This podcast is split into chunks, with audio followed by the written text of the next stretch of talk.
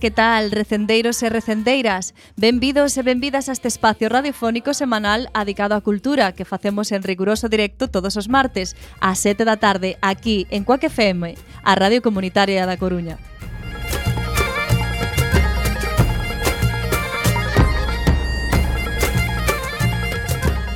A agrupación cultural Alexandre Bóveda presenta este programa que podedes escoitar en directo a través de internet na páxina emisora cuacfm.org barra directo e tamén na aplicación móvil. E se non chegaches a tempo, non tes excusa, compañeira. Podes descargar todos os programas xa emitidos tecleando coacfm.org barra radioco barra programes con dúas M's barra recendo ou escoitalo na redifusión que será os mércores ás 8 da mañá os venres ás 16 horas e na madrugada do domingo ao luns ás 12 da noite. E a partir de agora seguídenos nas redes sociais tanto no Facebook como no Twitter arroba recendo FM onde queremos formar unha comunidade recendeira. Tamén podedes visitar o Facebook da agrupación en a.c.alexandre.bóveda o Twitter Twitter en arroba acbóveda ou na web www.acalexandrebóveda.gal.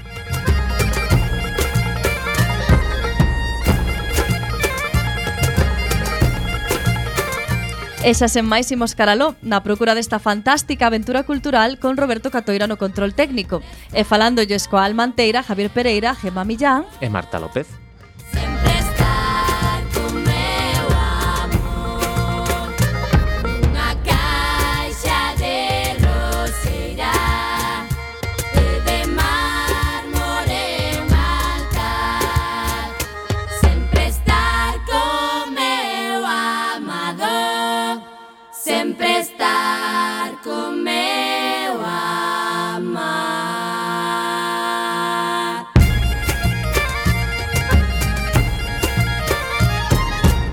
Chegamos ao programa número 292. Hoxe estará connosco Vitorino Pérez Prieto, eminente profesor galego que nos falará sobre a figura de Prisciliano. E hoxe teremos a sección de poesía galega e a de arte plásticas a cargo de Neves Seara e falaremos das actividades da nosa agrupación e das outras cousas que se fan na Coruña e na Galiza e que tamén son cultura. E na música de hoxe escoitaremos a Toñito de Poi, Ademais de baixista dos Herdeiros da Cruz, formou a comenzos deste século un grupo de rock galego portugués chamado A Banda de Poi. Editaron un, un único disco titulado Mor no ano 2005 e agora hai desentender por que falamos del. Presentamos a primeira peza de hoxe, que é tamén a primeira deste disco, obviamente, titúlase Prisciliano.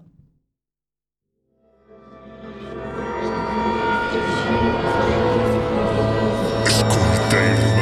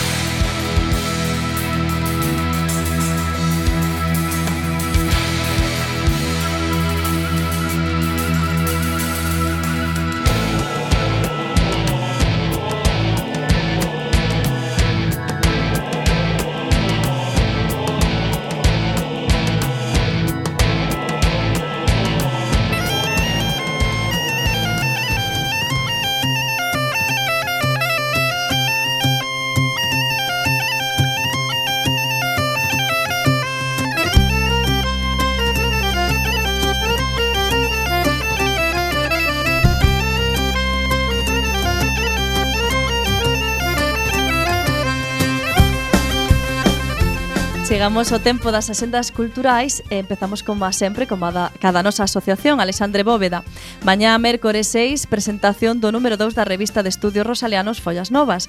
O coacadémico e director da revista Xosé Luis Axeitos e a profesora e escritora Pilar García Negro do Consello de Redacción. Neste número hai traballos de Manuel Ferreiro, Francisco Rodríguez, Manuel Forcadela, Xoan Costa e Xosé Luis Axeitos. Será ás 20 horas no Salón de Actos e o xoves 7 dentro do ciclo Pensar xuntos non, empurrar xuntas sí, María Xosé Agra falará da revolución e feminismo nunha conferencia que leva por nome Voando sen instruccións. María Xosé Agra é doutora en filosofía e profesora de filosofía moral e política da Universidade de Santiago de Compostela. A súa área de traballo son a filosofía política, teorías da xustiza e a teoría crítica feminista. Será ás 8 horas no, so, no Salón de Actos.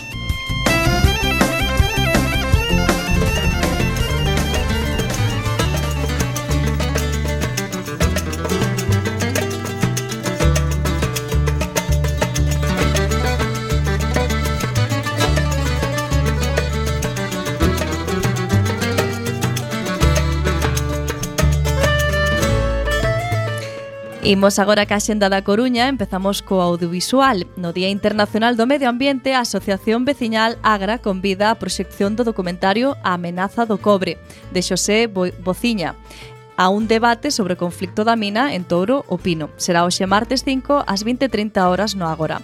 Esta fin de semana podemos ver no Foro Metropolitano a mítica película que foi de Baby Jane, de Robert Aldrich, coa historia das irmáns estrelas infantís de Hollywood Jane e Blanche Hudson, de xoves a sábado nos seus horarios habituais. E no Fegai tamén proxectan outro clásico, neste caso 2001, unha odisea espacial, película dirixida, xa sabedes, por Stanley Kubrick en 1968. Será o ben resoito, cunha única sesión a 7 pola súa longa duración. E nas artes escénicas, se o que queredes é teatro musical, Elefante Elegante presenta Tropical, con turistas, migrantes, músicos e refuxiados custodiados por unha vixiante e dilixente tripulación. Será o ben 8 ás 20.30 horas no Teatro Colón. O Centro Dramático Galego ofrece unha novidosa versión dun clásico de Valle Inclán peneirado por Chévere e o director Xesús Ron. Poderedes ver Divinas Palabras Revolución o Ben 8 e o sábado 9 ás 20.30 horas no Teatro Rosalía de Castro. Trotaconventos Teatro sitúa o espectador na Coruña dos anos 40 coa obra Historias do reloxo de Carlos Freire. Será o sábado 9 ás 19:30 horas no Fórum Metropolitano. Falamos agora de música, interesante experimento a estrea en Galiza do Sacred Concert de Duke Ellington a cargo da Big Bang e o coro do Conservatorio Superior de Música da Coruña, dirixido por Traugot Greiser e Fernando Briones e con Tabea Greiser como solista. Será o mércores 6 ás 20:30 horas no Teatro Colón. E o cuarteto de cámara Proxecto Vermeer Pecha o 17º ciclo Música para unha época cun concerto titulado Retratos sonoros a música antiga nas artes plásticas. Será o domingo 10 ás 12 da mañá no Museo de Belas Artes. Ainda remata mañá o magnífico ciclo Elas son artistas. Hoxe ás 21 horas no Mardi Gras canta Carla Green coa banda residente Exit. E mañá á mesma hora e no mesmo lugar canta Rebeca Lane. Se alguén desexa ver 30 anos despois ao mítico grupo coruñés Radio Océano pode facelo este venres 8 ás 22 horas no Garufa, Garufa Club. Como teloneiros estarán Los Dramáticos e 24 ancianos. Falamos agora de exposicións. Esta semana remata unha interesantísima exposición sobre cartéis de maio do 68 porque sí, xa pasaron 50 anos do famoso maio francés. Pódese ver na sala de exposicións do Palacio Municipal a todo domingo 10 de xuño. E agora unha sección nova, distinta un pouco das demais, onde imos comentar varias presentacións e conferencias que nos parecen interesantes.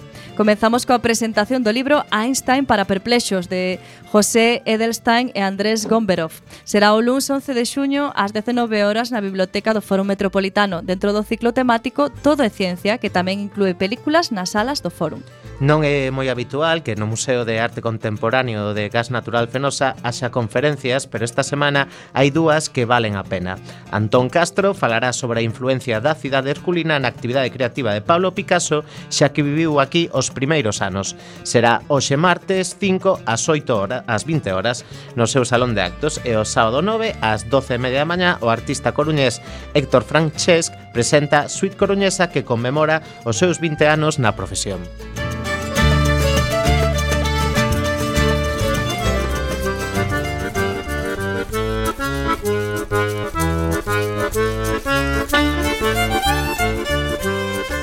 e a quenda da Xenda de Galiza. Empezamos por Lugo.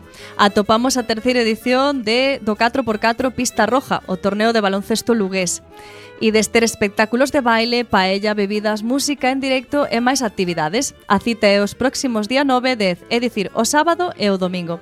Está organizado pola Asociación Recreativa e Deportiva Red Court na Rúa Cornubia. Imos ata Ourense, Ouren Rock Sound 2018 é un festival de música que se celebrará os días 8 e 9, venres e sábado. As asistentes a este evento, que terá lugar en Benposta, na cidade dos muchachos, poderá gozar de dúas grandes xornadas a cargo de 13 bandas de música punk, ska, rock, metal e reggae. Ouren Rock 100% galego dando caña ata a pestaña. Imos a Pontevedra. Os paseos pola Pontevedra Literaria son unha iniciativa da Asociación de Escritoras e Escritores en Lingua Galega desenvolvida coa colaboración e patrocinio do Concello. Podedes inscribirvos en pontevedraliteraria.gmail.com Este sábado 9 e compartida ás 11.30 toca polos camiños do Triángulo Escrito na circunferencia con Víctor Freixanes. A inscripción é por orde de chegada ao correo electrónico. Eso hai 50 plazas. Pegamos un chimpo ata Santiago serán 01.1 Encontro Galego de Cultura Popular, baile e música tradicional reunirá na Cidade da Cultura entre o 8 e o 10 a todo o sector do folclore galego, dende artistas e agrupacións de música, canto e baile tradicional a integrantes de sectores relacionados a nivel artístico, técnico ou artesanal. O encontro contará con máis de 40 actuacións e ata un milleiro de artistas nun evento cultural de primeira orde. Entre os espectáculos máis destacados do encontro estará Foliadón, unha gran foliada que ao longo de 5 horas reunirá a centos de artistas sobre o escenario. E imos a Vigo, temos a presentación do libro Arquitectas Pioneiras de Galicia. Oito entrevistas de María Carreiro e Cándido López. Esta obra entrevista as primeiras mulleres dedicadas á arquitectura en Galicia e achéganos o relato das arquitectas no seu contexto profesional e social, construindo unha historia que vai desde os anos 40 á actualidade. Xunto con cada entrevista, achégase unha breve anotación biográfica, unha fotografía e unha obra de, arquitect eh, de, arqu de arquitectura representativa. Pasado mañá xoves Rete no Centro de Documentación de Recursos Feministas na Biblioteca Pública Central no Casco Bello. Imos ata Ferrol, o CPR Plurilingüe Santa Juana del Estonac presenta máscaras Todo parecía ser un día de instituto como a outro calquera, pero a aparición dun payaso fixo que na clase de primeiro da ESO emerxeran medos e conflitos entre varios compañeiros. Ninguén sabe os motivos que levan a un bando e a outro a enfrontarse. Os personaxes van destapando ou poñendo diferentes máscaras que lle dan forma á súa personalidade. Compañeiros, familiares e expertos intentarán poñer fin aos problemas con moitas dificultades. Conseguirán solucionalo, iso tedes que velo vos mesmo, será no Teatro Jofre o martes que ven ás 4 da tarde. E como vila convidada de hoxe, imos aos Peares. Por se vos apetece nadar, Escualos organiza a travesía en coro os Peares. Lévase a cabo no corazón da Ribeira Sacra, nunha contorna extraordinaria na cal confluen os ríos Bubal, Sil e Miño. O percorrido de 3.000 metros reafirmase como a primeira proba do Circuito Galego de Augas Abertas, Trofeos Peares Centro de Inversión Lingüística. O Campus da Auga porá nome ao trofeo da dos mellores clasificados na proba de 1.000 metros. Incorpórase unha nova categoría universitaria e consolídase a proba infantil de 300 metros para pícaros, a partir das 10 e media do domingo 10.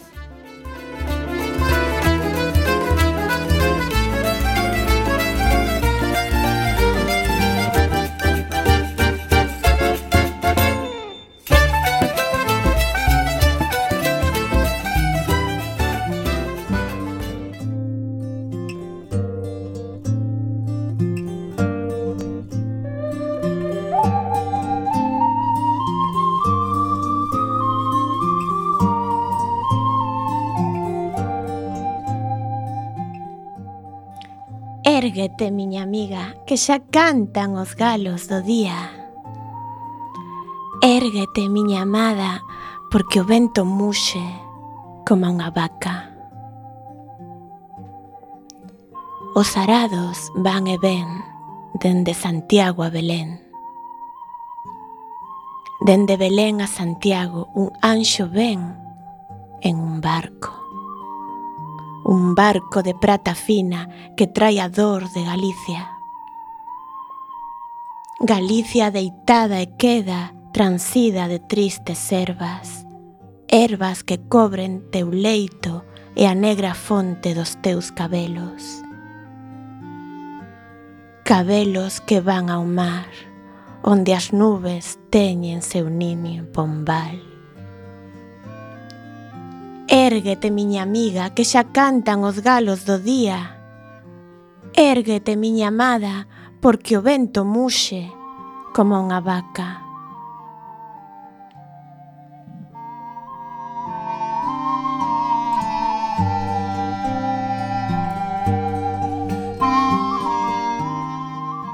Acabades de escoitar a canzón de cuna para Rosalía de Castro Morta do poeta Federico García Lorca, pertencente ao poemario publicado en 1935 seus Poemas Galegos. Dende a sección de poesía galega de Recendo, queremos homenaxear así ao universalmente afamado poeta Federico García Lorca, que naceu hai 120 anos, tal día como hoxe, un 5 de xullo do ano 1898 en Granada, e que lle quiso amosar ao mundo que para escribir en galego non hai por qué nacer na Galicia.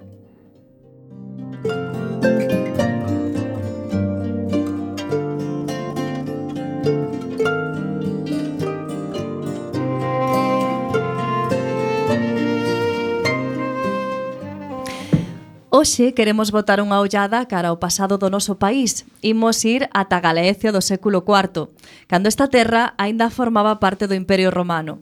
Ali atopamos a Prisciliano, hoxe case que unha figura mítica e candidato a ser realmente o ocupante do Santo Sepulcro do, da Catedral de Santiago. Ao marxe desta tese, a figura de Prisciliano é realmente importante e nos permite coñecer un pouco máis a fondo a historia de, de Galicia. A modo de introducción, queremos partillar unhos cantos datos sobre Prisciliano. O seu lugar de nacemento non nos é coñecido. Podemos dicir que naceu aproximadamente no 340 e morrería decapitado no 385 por orde do emperador romano Magno Clemente Máximo.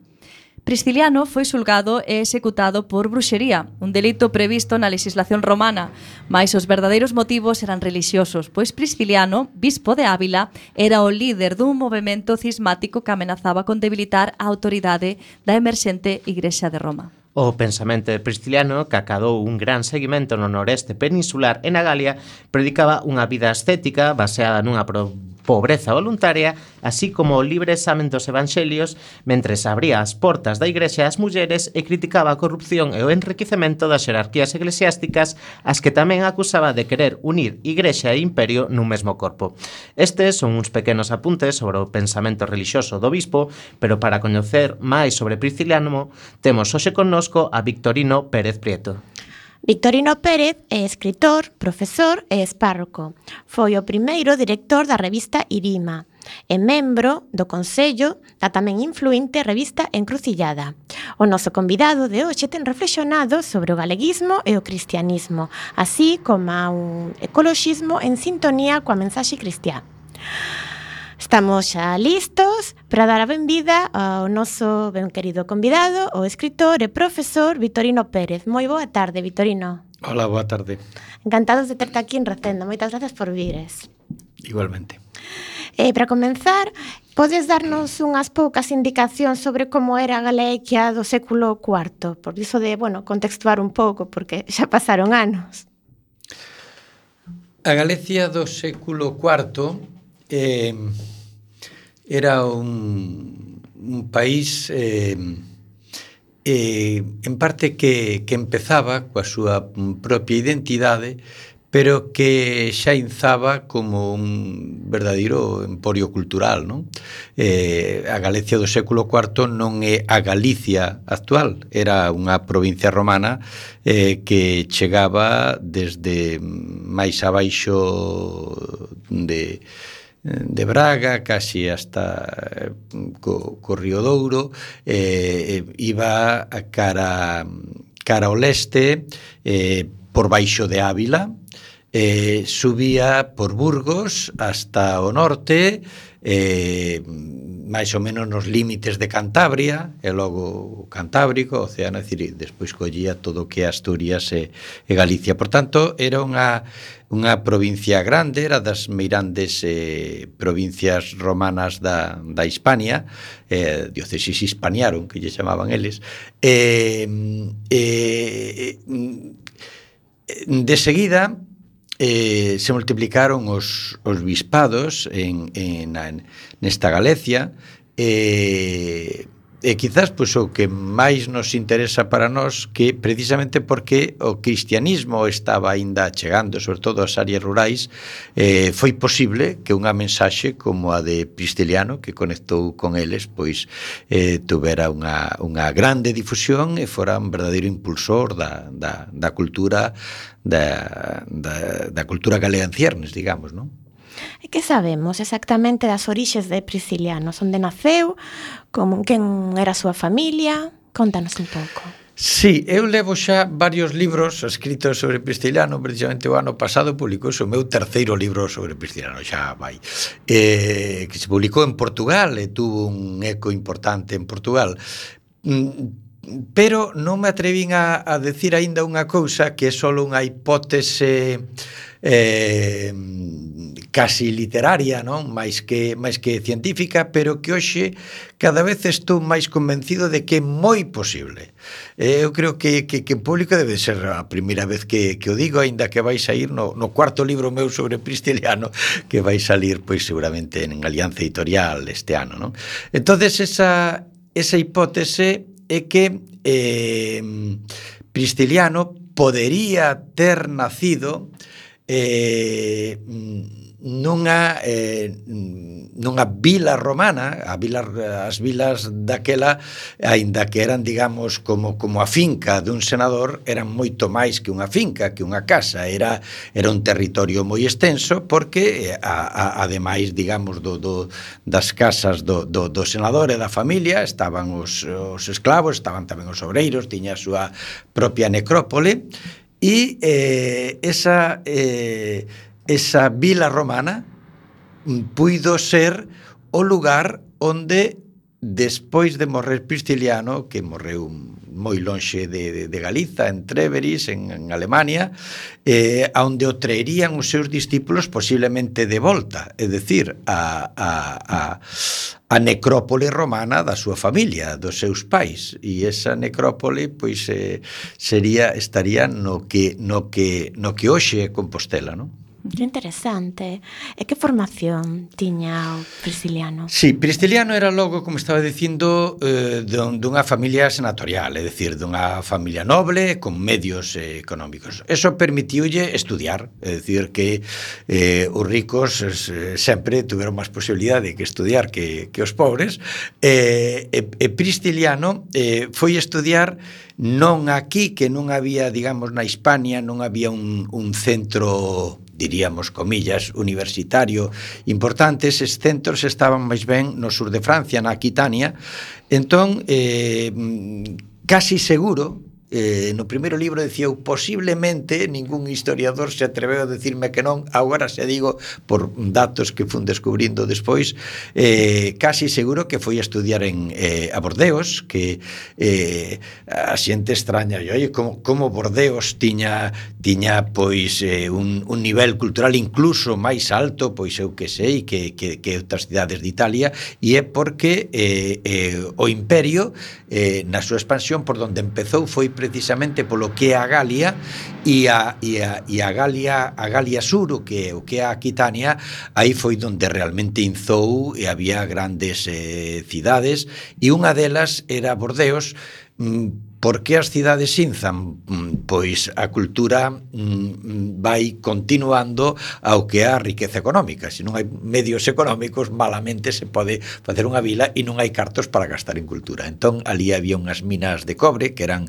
moi coñecidas na antigüedade, eran importantes, e, e, e ali foi donde eh, eh, nese, nesa eh, nese sur de, da, das Galias eh, eh, eh, cristianizado, pronto cristianizado, foi donde foi a estudiar pristeliano cun mestre de, de retórica que se chamaba Delfidio, que, que se conta que era a súa familia era unha familia de druidas de, de Vallé, por tanto, por aí casan algunhas cousas que se din sobre Pristiliano, e, sin embargo, este mestre retórico pagano convertiuse ao cristianismo e arrastrou un pouco tras del, tras da súa conversión, a, a moitos dos seus discípulos, entre eles Pristiliano. Mm. Que cousa, ah, máis interesante. Imos aproveitar e facemos xa a primeira pausiña musical nesta conversa tan interesantísima sobre un, o personaxe de hoxe, sobre o Prisciliano, para escoitar unha canción tamén da banda de Poi que neste caso se chama Mai.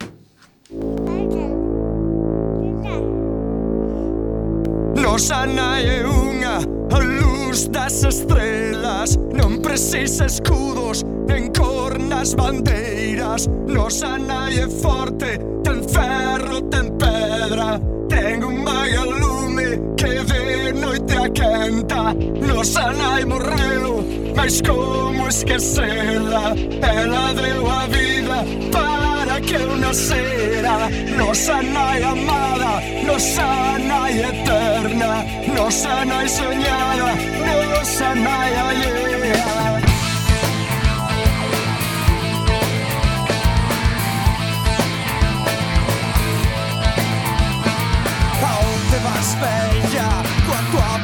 xoita Teus fillos deixaron a fousa e a luita. Espiñas e dor Cobrete o peito Castrada a memoria Engolada e indomada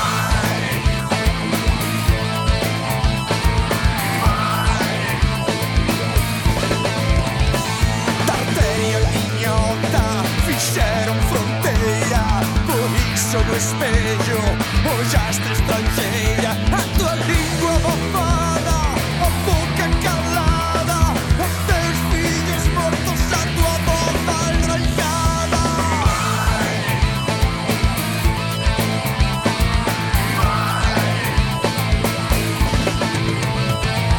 No sana é a luz das estrelas, non precisa escudos en cor nas bandeiras Nos a nai é forte, ten ferro, ten pedra Ten un mai lume que de noite aquenta Nos a nai morreu, mas como esquecela Ela deu a vida para que eu non... Retomamos a nosa conversa con Vitorino Pérez Prieto Que nos está chegando a figura de Prisciliano.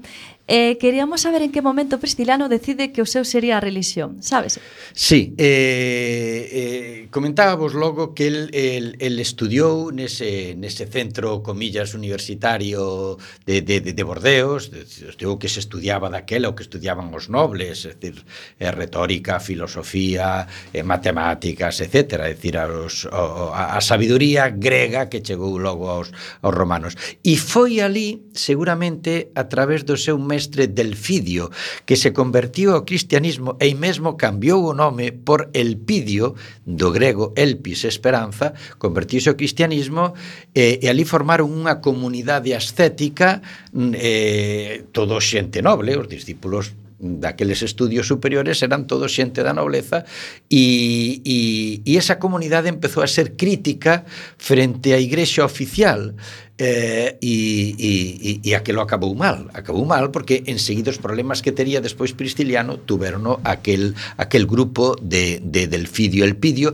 e entón ao desfacerse eh, seguramente viñeron, baixaron a Hispania. Hai hai outras hipótesis que mandan a Pristiliano a outros sitios que eu non comparto, incluso norte de África, a Egipto e tal. Eh, baixarían a Hispania porque o certo é que poucos anos despois encontramos noticias de unhas comunidades cristianas eh, reformadoras. Reformadoras quere decir que xa no século IV se iniciara a decadencia da Igrexa. Por que? Pois sempre pola mesma razón. Don Carlos Marx tiña toda a razón do mundo, é dicir, a religión se convirte nunha superestructura ao servicio da clase poderosa e cando a Igrexa pasou de ser perseguida a casarse co, cos emperadores, co, co, co imperio, caeu nos brazos de Constantino, como di Curros, non? Pois eh, eh, aí, aí, empezou, había reparto, que, había poder que repartir, iniciou esa, esa decadencia E, e, e ao mesmo tempo empezaron movimentos como de Pristiliano que querían que o cristianismo volvera ás súas orixes. É dicir, este pristiliano que era dunha, dunha familia pois seguramente pagana, convírtese ao cristianismo e convírtese a ese cristianismo apaixoado do seu mestre de eh, Delfidio Elpidio e el que Mm, sabemos, e iso é científico, porque un historiador eh, mm, casi contemporáneo del, Sulpicio Severo, no século V, conta eh, a historia de Pristiliano e di que era de familia rica, que era moi intelixente, moi tal, todas estas cousas, unha serie de cualidades que tiña este home para convertirse en líder de masas, nunha persona atraente. Unha persoa atraente que resulta atraente porque a mensaxe que el transmite é unha mensaxe Mm, eh, pois eh, de, de, de, de igualdade de recoñecimento dos dereitos de todos incluso mesmo das mulleres que realmente no, no, no, eh, na antigüedade serodia pois non tiñan precisamente moita relevancia non? Eh, bueno, era un home inteligente, inteligente, dixeche ti antes. Exactamente. Mira, aí temos a prova. E por iso non lle tiña medo ás mulleres. Exactamente. Buscaba estar aliado con elas que o máis inteligente que pode facer un home. Eh, seguimos falando de, digamos, do pensamento prisciliano. Estás dicindo, Vitorino, que como unha reforma ao cristianismo, entón podemos pensar que o cristianismo é unha corrente dentro do cristianismo. Pero cales son, digamos, as ideas ou as teses que máis opoñen á ortodoxia cristiá daquel momento? Eh, as, a, as teses de, de, de Pristiliano eh, a nivel teolóxico e a nivel práctico están íntimamente unidas Eh, eu estou, estábamos falando un pouco, digamos, do que, do que na teoloxía se chama eclesioloxía, é dicir, a concepción da igrexa, como debe de ser a igrexa, como debe de funcionar, como debe de estar organizada. E, e aí el buscaba unhas comunidades realmente máis cercanas ao proxecto de, de, de Xesús, unhas comunidades igualitarias, donde, donde os máis marxinados foran precisamente nesas comunidades, os máis privilexiados foran acollidos, e dentro deses marxinados estaban as mulleres que eran marxinadas no tempo de Xesús foron marxinadas eh, isto na, na, no, no antigo Imperio Romano seguiron marxinadas na iglesia e hoxe mm, a base de, de loita van conseguindo que, o que lles corresponde. Entonces eso digamos que na perspectiva eclesiolóxica. Tamén tiñan unha práctica unhas prácticas que lles parecían perigosas aos xerarcas e era que se xuntaban as comunidades se xuntaban pola súa conta e non sempre se xuntaban co, co, coa gran igrexa, pois eh, na catedral ou, ou que era realmente as, os bispados eran moi pequenos, agora hai eh, o bispo, os párrocos, as parroquias, eh? e entonces eh, había épocas no ano en que todos os cristianos debían acudir ali, concretamente, pois, eh, pois eh, polo Nadal, pola Pascua e tal. E eh, Pristiliano decíalle, nesas épocas nos o que temos é que retirarnos, retirarnos aos montes e, e realmente pois meditar, rezar, rezar, que é a mellor maneira de comulgar co misterio e con todo iso. E destas prácticas sabemos precisamente polas condenas de algúns concilios de que, que, que condenaron as prácticas do priscilanismo. Curiosamente, hoxe coñecemos como eran as comunidades priscilanistas polo que se decían contra delas e que hoxe nos nos parece moi ben, é dicir, o que eles decían que era moi malo, que a, que os laicos eh, poideran tamén aprender e as mulleres con eles e tal, eso era unha cousa, ese, ese, eses coñecementos estaban reservados aos, aos clérigos. Se o acusan deso é porque posiblemente eh, eh, facían eso eso.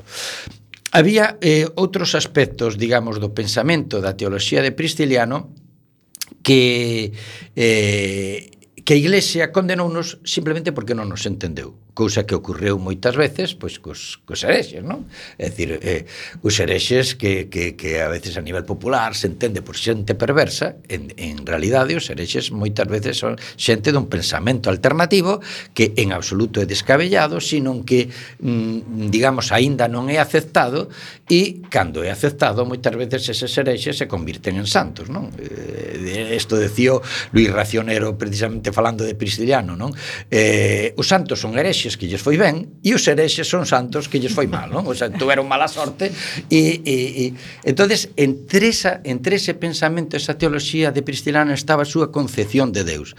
A concepción de Deus era perfectamente segundo o estilo do Evanxeo, según, é dicir, era o Deus Trisdade, o Deus que Pai, Filho e Espírito, que decimos no credo, pero que pasa? Decío dunha maneira tan complexa A súa teoloxía era tan complexa que non o entenderon, e o entenderon xustamente ao revés.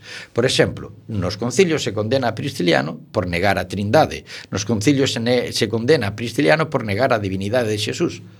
E cando un lee os tratados que hoxe conocemos de Prisciliano, pero como se pode dicir isto se Prisciliano chamáballe a Xesús Cristus Deus? É dicir, é xusto o contrario do que din.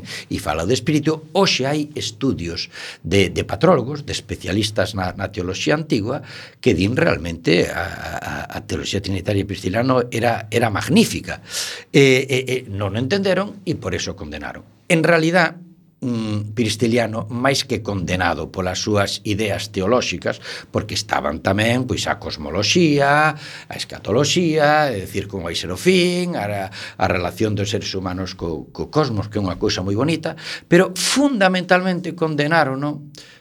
eh, por isto que vos decía ao principio. Pristeliano molestaba era un elemento incómodo porque cuestionara cuestionaba a estrutura rígidamente xerárquica da igrexa, é dicir, esta igrexa cada vez máis eh, institucional eh, formando unha gran base e unha cúspide e nos, nos que de, os que deciden todo esa cúspide e el decía, no, realmente a xente ten que decidir o que o que o que quere, non? É dicir, eh, mm, sendo moi interesante o pensamento de Prisciliano en moitos aspectos, en realidade eh, o que foi condenado como herexe non foi por eso. Por exemplo, se lle condenado, se condenou por maniqueísmo, que era unha era unha das herexías, digamos, eh, máis eh, eh, castigadas nese tempo, non tanto como herexía, sino porque o maniqueísmo eh, significaba unha, unha, unha relación entre, entre o ben e o mal que permitía as prácticas de maxia e a xente daquela se creía profundamente neso, entonces o maleficio é perigosísimo. O sea, se fan maxia negra comigo, acaban comigo, coa miña familia, con todo. Por tanto, calquera que fora, eh, digamos, sospeitoso deso, era o peor que se lle podía acusar a unha persona. Pristiliano non era maniqueo e en absoluto tiña prácticas de maxia maléfica, en absoluto.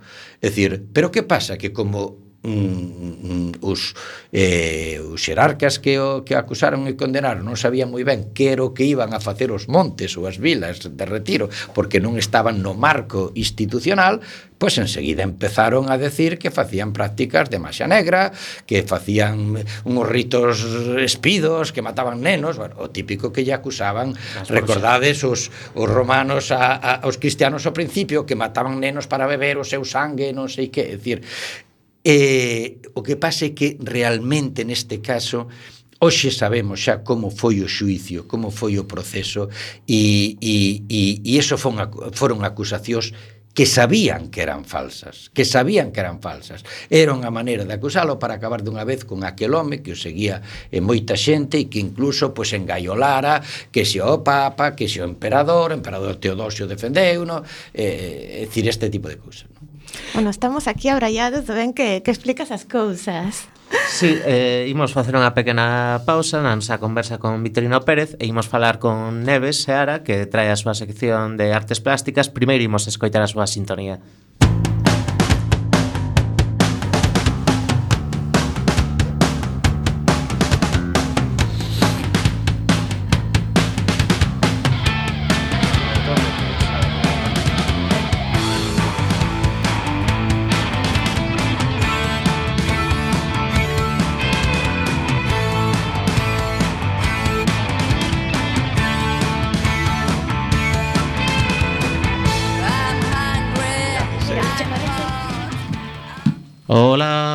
tardes, Neves. Hola, como estades? Moi ben, eh, que, de que nos vas falar hoxe? Bueno, xa sabedes que me gusta falarvos de proxectos diferentes de arte contemporánea e, e bueno, máis tradicional, pero bueno, neste caso traigo unha intervención que se está a facer ahora mismo na Cidade da Cultura, que é visitable e que o propio público pode pode intervir e, e facer medrar, non? Esta é unha, unha caseta destas típicas de observación de paxaros, eh, o chamado en inglés bird watching, que trae o artista Paul Guy de Estados Unidos, non le, sí, de Chicago.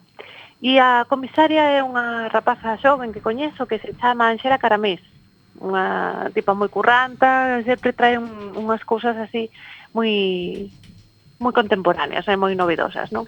O chulo desta intervención é que, bueno, xa sabemos todos como é a Cidade da Cultura e que é un espazo para albergar arte, pero que ao final eh, hai que cuestionarse tamén si é realmente necesario un espazo tan grande, eh, tan cargado de presenza para poder albergar arte.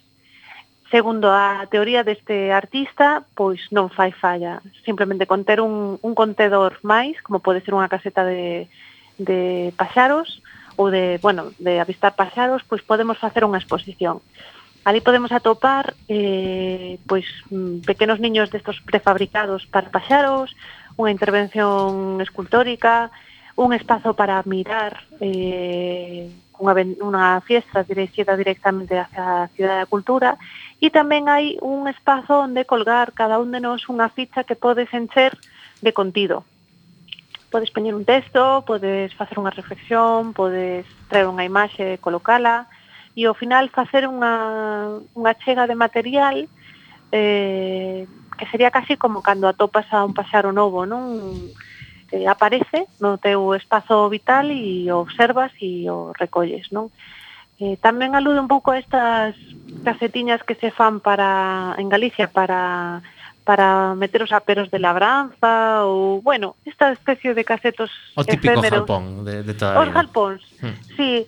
Entón faime moitísima gracia e precisamente pareceme moi fresco, non? Esta, esta cuestión de traer a Cidade da Cultura un jalpón onde podemos facer arte e que non fai falla un edificio tan grande, tan caro. Sí, e tan ah. complexo Grazas, de manter. alguén te, tiña que dicilo. Sí, seguramente a xente da CEA Cultura non colla a broma ou a crítica, pero bueno, aí queda pues, o galpón.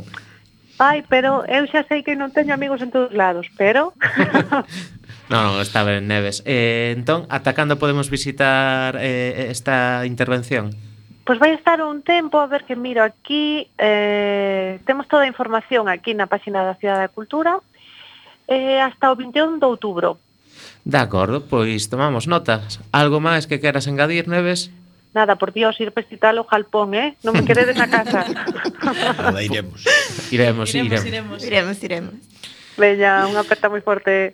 Tamén outra para ti. Chao un biquiño, Neves. Bueno, retomamos aquí a interesantísima conversa sobre Prisciliano, que eu non sei se está todo dito, queres rematar algo?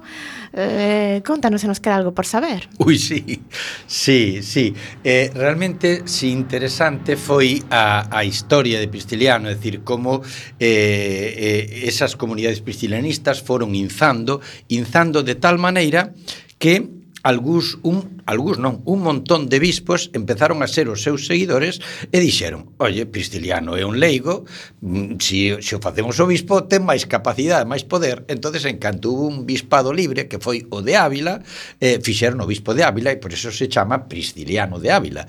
Eh, o que eu poño na segunda edición do meu libro de Galaxia Pristiliano na cultura galega, cambio o, un pouquiño o, o mapa da Hispania e alongo os límites da Galicia romana máis abaixo de Ávila non por capricho, sino porque eh, mm, eh, un montón de historiadores din que podía ser perfectamente factible e, e entón estar en Ávila significa formar parte tamén da, da Galicia romana.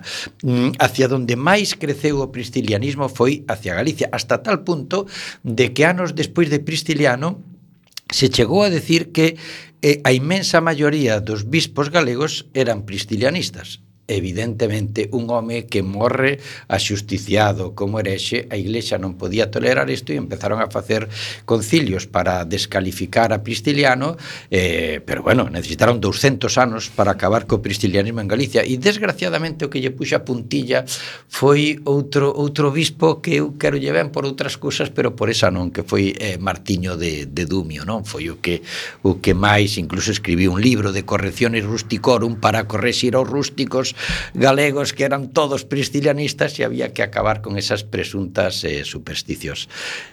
Sabes, Vitorino, que chegados a este punto hai unha pregunta que é obligada. sí. Quen está en Santiago? Exactamente, exactamente. Sí. Eu xa por prevención xa hai anos que lle chamo Compostela.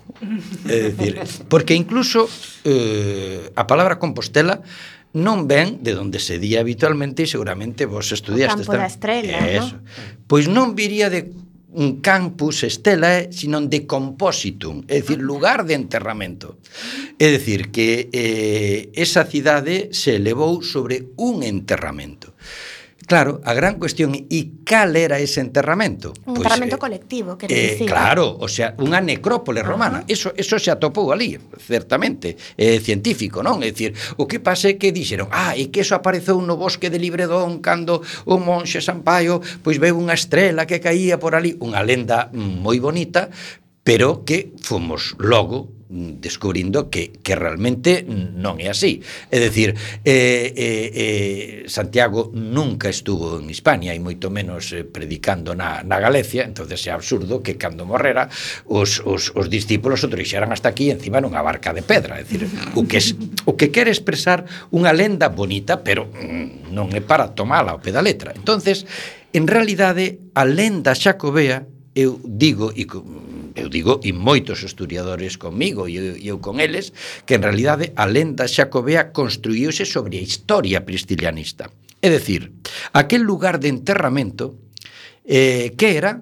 Era a Seconia, a vila da familia de Pristiliano eh, que tiña a súa necrópole e a donde seguramente os seus discípulos trouxeron a Prisciliano despois de morrer polo camiño de Santiago, como dixen antes, por Francia hasta aí. Eh, Eu suelo decir con a expresión italiana se non é vero, é bene trovato.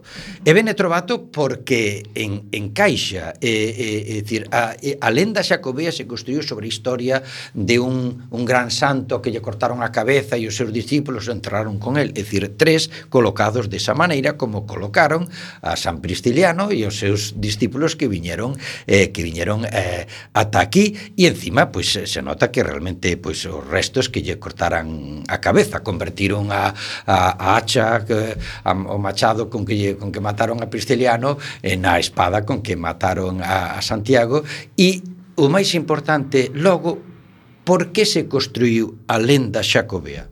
A lenda xacobea Mm, ten hoxe unhas razóns que, que coñecemos ben e as razóns foi pois eh, Alfonso II Casto alo polo século VIII non?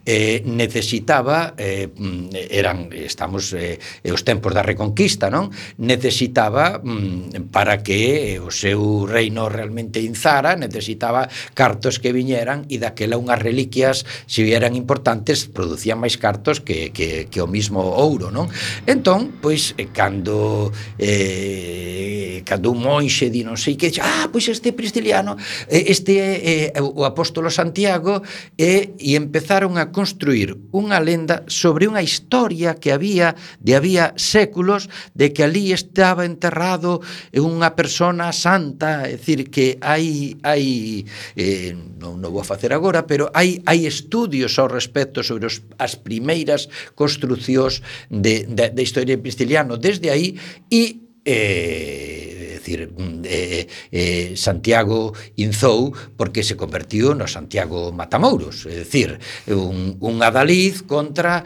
contra os musulmanes que apareceu na batalla de Clavijos subido aí ao cabalo e tal. Claro, hoxe os historiadores dino, mira, mm, é imposible que Santiago Apóstolo estuvera na batalla de Clavijo, entre outras cousas, porque non houve a batalla de Clavijo. Claro, o día en que supemos isto xa se nos cae todo o asunto por terra. O sea, non hai que discutir se si un milagre do cabalo blanco foi ali, sino que se non houve batalla de Clavijo, malamente puido ir. Entón, eh, eu creo que eh, A figura de Pristeliano é tan fascinante, tan fantástica, era unha boa persona, intelixente, que construiu un proxecto realmente fascinante, que conectou coa religiosidade, coa religiosidade dos galegos, por esa conexión coa terra, que decir, ese uh -huh. Pristeliano eh, comillas ¿no? ecoloxista, non? Eso que cantaba eh, Toñito de Poi, non? Eh, pois non, eu non vexo, eu non vexo dificultade en que o camiño de Santiago, que me parece moi ben, é dicir, eh, Galicia se construíu en parte gracias ao camiño de Santiago, non se trataría de cargarse o camiño, pero simplemente cambiar o santo do final, cambiar a Santiago por Pristiliano, e eu digo, o único que ten que facer a Iglesia é é, é a, a, a aceptar, rehabilitar a Pristiliano e convertilo en santo como realmente foi un santo mártir. E seguimos co camiño e, bueno, o camiño pristiliano. o camiño pristilianista. Claro que sí. e, e, e eu creo que gran parte da xente que fai o camiño eu creo que non tería maior problema. Non, seguramente non, Vitorino. Xa nos queda moi pouco tempo pero eh, sabemos que va a sacar un novo libro sobre Prisciliano en Alianza eh, como se chama este libro e tamén eh, recoméndanos un par de libros sobre Prisciliano para coñecer un pouco máis a figura, incluídos os teus, que xa vas polo cuarto. cal, cal, sí. Recomendámolos nós. Eh, por introducción. Eh. Eu a vos recomendo que o leades en galego, ou hmm. que saiu en, en Galaxia, que se chama Prisciliano na cultura galega, un símbolo necesario, ou que saiu en Portugal, Prisciliano, un cristiao libre, o seu eco na cultura eh, galego-portuguesa, ou o outro meu que foi Pristiliano da condena, Pristiliano e Pristilianismo da condena a rehabilitación. O próximo libro que sairá en español, xa sabedes como son estas cousas, vai tentar saber, teóricamente debería salir este ano, pero vai se titular eh, Pristiliano cuando la Iglesia sucumbió al poder, que tamén no título xa digo, xa digo moito. Eh, Ademais dos meus libros en, en Galiza, pois todos aproveitamos moitísimo o libro de Chaorrego, Profeta contra o poder, que tamén foi mm, dos primeiros libros en galego, en realidade o primeiro libro en galego que defendeu a Prisciliano como santo en contra da porque eh, en contra da, da, da tese herexarca, porque eh, López Ferreiro, gran historiador galego, escribiu o libro máis antipristilianista que se escribeu na historia e, xe, e xustamente foi un galego, é moi triste. Bueno, en realidade a lenda antipristilianista empezou con outro galego que foi Paulo Orosio, que informou a Santo Agostinho, non? Entón eu Simplemente, eh, esta semana, que me parece que non nos dixestes nos actos, en Portas Ártabras, falades das actividades de Portas Ártabras que habitualmente non falamos. As veces falamos bueno, de... Pero dicímolo coa túa voz que nos queda mellor, por favor, Vitorino. Pois este xoves ás 8 da tarde, xoves 7, vou dar en Portas Ártabras unha conferencia que é un poquinho como a continuación de quen era Prisciliano, que Prisciliano e o priscilianismo despois de Prisciliano. Pois invito vos a ir, se si tedes tempo, vos apetece e non vos aburre o tema de Prisciliano, pois nos podemos ver. No, para nada. Nos parece interesante. Invitamos a toda a audiencia. Eh, algo, algo máis que queras engadir, Victorino? No, a mí dame moita alegría que o interese por Prisciliano inzara nos últimos anos. É dicir, a miña sorpresa cando fixen o meu libro de Prisciliano foi o éxito que tuvo incluso na, na prensa a nivel popular, porque, bueno, unha cousa son as cousas que a ti te interesan e outra cousa son os que interesan a xente. Tes un certo éxito cando os teus intereses cadran cos intereses da xente e lles dis algo que, que a xente quere, quere saber, non? entonces a min dame moita alegría este novo interese, o libro meu saliu aí xa no ano, no ano que no ano 10, por tanto, hai oito anos siguen pois eh, entrevistándome como a vos ou xente que pide conferencias, en Portugal o mismo, deu unha alegría tremenda o suceso que tuvo o meu libro que eu como non coñecía moito, digamos, o público portugués destas cousas, entonces dá dame unha gran alegría porque estou convencido que polo que dixen antes de Pristiliano, Pristiliano ten algo que aportar importante para a renovación dunha sociedade en moitos aspectos decadentes e que está chamada a, a, a, a esa, esa loita ecoloxista, feminista, eh, socialista, eh, que é o futuro, creo que vai por aí, porque este capitalismo salvaxe acaba con nós, acaba coa natureza e nos, nos, nos, nos chupan hasta o espírito. A Prisciliano, o gran visionario, non? Eso, é. Veña. Pois eh, moitas gracias Vitorino por estar aquí Se nos acaba o tempo eh, Imos chegando ao fin do camiño deste recendo Despedimos o programa de hoxe agradecendo os nosos convidados Que como sempre son de honra Hoxe tivemos a Vitorino Pérez, escritor Que nos falou da figura de Prisciliano E a Neve Seara na sección de artes plásticas E agradecendo a semente, pedra angular de todo, o noso comando e equipo de produción formado por Javier Pereira, Gemma Millán, Manu Castiñeira e Robert